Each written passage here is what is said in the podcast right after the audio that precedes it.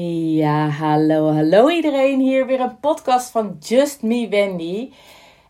Dit keer wil ik het met jullie gaan hebben over een thema. Oh, echt, hier zit zo'n grote angst op. Geloof me, die heb ik zelf ook heel erg gehad. En die voel ik nog steeds af en toe, laat ik dat voorop stellen. Maar ik wil het wel met jullie erover hebben.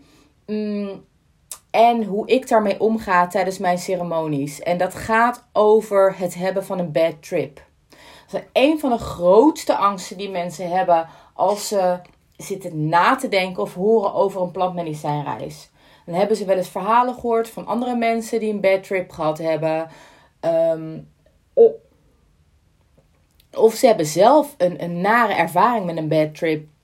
Wat ze weerhoudt eigenlijk van de, ehm, van de mooie inzichten die je echt kan krijgen van plantmedicijnreizen.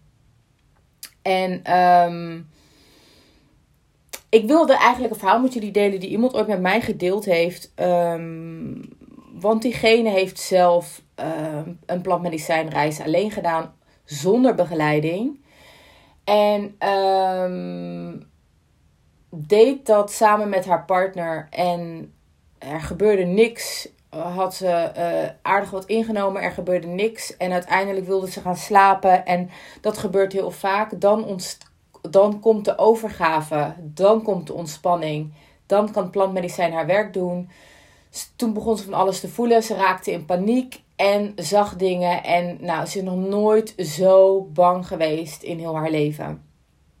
En um, dat hoor ik vaker. Vooral bij mensen die het niet doen onder begeleiding, kan het scary zijn. Want wat er gebeurt en hoe wij een, uh, ja, een, een, een bad trip eigenlijk. Wat is een bad trip? Een bad trip is dat je dingen gaat ervaren. Dat kan ontstaan vanuit verdriet, dat kan ontstaan vanuit uh, trauma's die zich aan je willen openbaren, in welke vorm dan ook. Het kan visueel zijn, het kan in sensaties zijn, het kan lichamelijk zijn, whatever. Die geheeld mogen worden. Daarom gaan ze zich aan je openbaren. En wat gebeurt er op dat moment?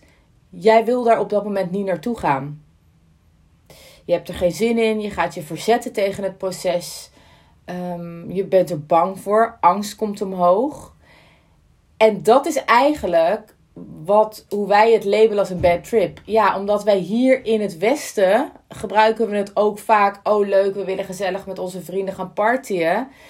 En dan gaan de plantmedicijnen aangeven: hé, hey, wacht eens even, er is iets wat omhoog mag komen. En dat is vet scary. Want je wil het niet op dat moment. Je wil gewoon lekker feesten. Je wil gewoon lekker je ding doen. Uh, of je bent alleen en je had niet verwacht dat zoiets naar boven ging komen. Je wilt dat helemaal niet aangaan. Dus wat je gaat doen, is je gaat je er op dat moment tegen verzetten. En dat ja, zorgt ervoor, want als je eenmaal in een reis zit, dan geef je er maar aan over want je zit in de reis. En ik beschrijf het altijd precies hetzelfde alsof je in een vliegtuig stapt. Je stapt in het vliegtuig, want je wil lekker naar Curaçao. Dus wat er gebeurt is, je weet, je moet negen uur lang in het vliegtuig zitten. Je zit over, hè, je vliegt over de oceaan. Dit herken ik namelijk. Ik heb het namelijk een keer zelf gehad. Ik kreeg een keer een paniekaanval toen ik boven de oceaan zat. Dacht ik, oh mijn god, ik zit nu in zo'n klein ding en ik weet niet hoe ver boven de aardbol, hè, boven de oceaan. En ik kan geen kant op. En ik zag ineens echt dat ik zo ver boven in die lucht zat. En dat ik geen controle had. En ik werd heel erg bang. En dat kan je daarmee vergelijken. Dat je dan in één keer denkt van... Oh, maar ik wil dit niet meer. Hè? Die vliegangst. Ik wil dit niet meer. Uh, maar het vliegtuig kan niet stoppen kan niet in één keer zeggen: Oh, nou hier, ik stop, ik plop, ik laat je hier uit en we gaan weer verder. Nee, you're gonna sit out the, the journey. Je moet blijven zitten totdat dat vliegtuig weer gaat landen. En um, dat is eigenlijk hoe je een bad trip kan uh, beschrijven. Maar ik ben van mening dat er geen bad trips bestaan. Er bestaat geen bad trip uh, en al helemaal niet als je dat doet onder uh, goede begeleiding. dat begeleiders jou begeleiden die er verstand van hebben, die er ervaring mee hebben. Want vaak, geloof me, de meest heftigste reizen die je meemaakt, zijn wel het helendst. Die maken het meest impact op jou. En daarom zeg ik ook altijd: is die begeleiding zo belangrijk? Want door middel van ademhaling, door middel van woorden die je toegezegd krijgt, door middel van nou ja, whatever, er zijn zoveel uh, verschillende methodes om jou um, dat gevoel te geven van kom op, ja, het is heftig, maar je kan dit aan. Hè? Je kan dit aan. En daardoor ga je uh, langzaam in die overgave komen. En wanneer je in die overgave gaat komen, wanneer je gaat voelen van ja, ik kan hier doorheen door middel van mijn ademhaling. Het is nu even doorwerken, maar ik, ik ga dit aan. Ik ga deze angst aan. Ik ga me er niet tegen verzetten. Dan kan het plantmedicijn jou de weg laten zien. Dat is het, want daarvoor heb je gekozen om mee te doen met een plantmedicijnreis. Je hebt gekozen om bepaalde angsten, bepaalde trauma's, bepaalde blokkades aan te gaan. En dat is een intentie en dat is ook wat een plantmedicijn gaat doen. En je kan het ook vergelijken met bevallen. Voor de moeders onder ons die ooit een bevalling hebben meegemaakt, kan het ook zijn tijdens de bevalling dat je in paniek raakt van de pijn. Dat je denkt: ik kan het niet meer, ik ben zo moe, ik weet niet meer hoe het moet. En op dat moment raak je in paniek. En als je in paniek raakt, dan ga je op een andere manier ademhalen. En dan, dan is het alsof je het gewoon allemaal niet meer aan kan. En als er dan iemand naast je is die kan kalmeren en zeggen Let op je ademhaling, die samen met je gaat ademhalen en je ademt daar naartoe en die rust keert weer terug. Dan komt ook die kracht weer. En dan kan je ook weer verder in je bevalling. In plaats van je er tegen te verzetten. Want je krijgt wat je aan kan. En je krijgt precies wat je op dit moment nodig hebt. En dat is altijd zo. En daarom zeg ik ook altijd tegen mensen die twijfelen om mee te doen met een plantmedicijnreis: ben niet bezig met hoe kan ik dit voorkomen en ik wil het eigenlijk niet. Wat kan ik dan het beste doen? Nee, je, dan doe niet mee met de plantmedicijnreis als je daar al bang voor bent. Want als je dit aan kan, als je ehm, het proces, uh, hè, als je dingen die, waar je eigenlijk tegen wil verzetten waar angst omhoog komt, waar je bang bent om de controle los te laten. Als je daar kan overgeven aan het proces, dat is een les die je heel je leven met je meedraagt. Geloof me, heel je leven. Ik heb zo vaak de heftigste reizen die ik ooit mee heb gemaakt, daar heb ik zoveel lessen uitgehaald. Die ik nu op de dag van vandaag nog steeds met me meeneem. Waardoor ik bepaalde dingen die ik spannend vind en die ik eng vind niet ga ontwijken. Omdat ik weet dat ik het aan kan. Omdat ik de tools heb om ze aan te gaan. Omdat ik weet dat ik me kan overgeven aan het proces. En daarom is vaak ook de nazorg. Nou, niet vaak, eh, gewoon ja, altijd. De nazorg is belangrijk. De nazorg vind ik een van de belangrijkste dingen van een plantmedicijnreis. Waarom? Omdat ehm, je rationele brein wordt als het ware uitgeschakeld tijdens plantmedicijnreizen. Je gaat een hele andere wereld betreden, de wereld van het onderbewuste.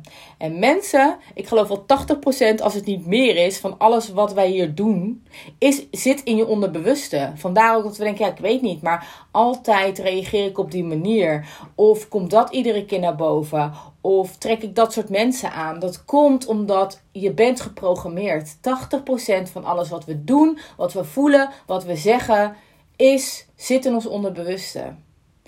En dat um, onderbewuste gaat naar boven, dat komt naar de bovenkant. Alles wat diep in ons verscholen zit, die diepere lagen in ons, waar we gewoon met onze brein, met onze hersenen, met ons rationele gebied niet op dit moment bij kunnen daar gaan we bij komen tijdens de reis. De innerlijke reis. Daarom noemen ze dat ook. Dat is niet fluffy bedoeld van oh innerlijke reis.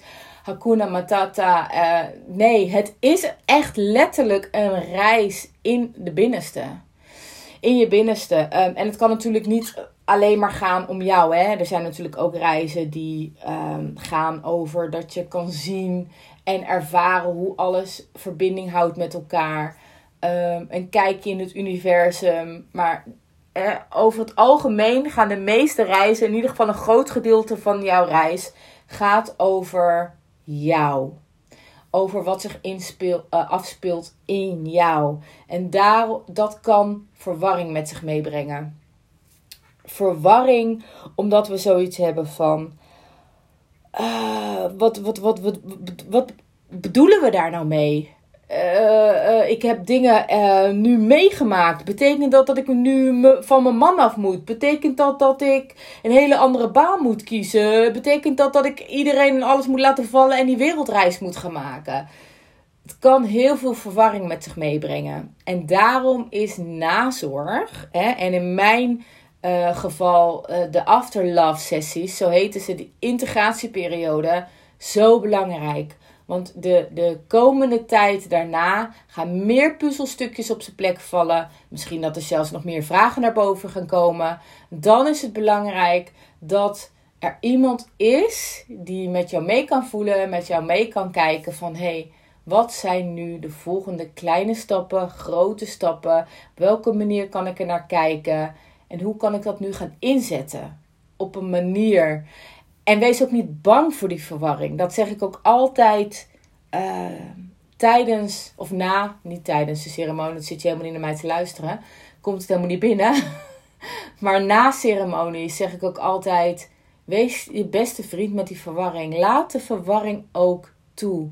Want juist vanuit die verwarring ontstaat de volgende stap. Juist vanuit die verwarring ontstaan de grootste inzichten als je het kan toelaten in plaats van de controle erover te willen houden om het allemaal, te gaan ontleden. Dat is nog helemaal niet de bedoeling. Precies na zo'n eh, ceremonie. Gewoon oké zijn met de verwarring. En weten dat alles wel op zijn plek gaat vallen. Ook omdat er gewoon nog een integratiesessie na afloop plaats gaat vinden. Dus om weer even terug te komen over de bad trips. Nee, bad trips in mijn ogen bestaan niet. Wel um, slechte begeleiding en uh, nare ervaringen omdat je het in een omgeving alleen hebt gedaan of in een hele uh, andere setting.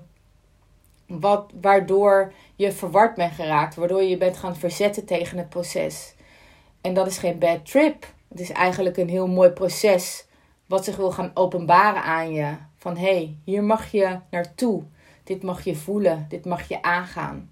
En wanneer je moedig genoeg bent en brave enough bent om dat aan te gaan, dan um, verzeker ik je dat datgene wat aan de andere kant ligt, is echt de moeite waard. Dank jullie wel weer. En um, ik zou zeggen, ben je geïnteresseerd in een soul journey één op één of in groepsvorm, dan kijk, neem even een kijkje op mijn website. En vragen stellen mag altijd. Jullie weten me te vinden. Doei doei, dikke kus.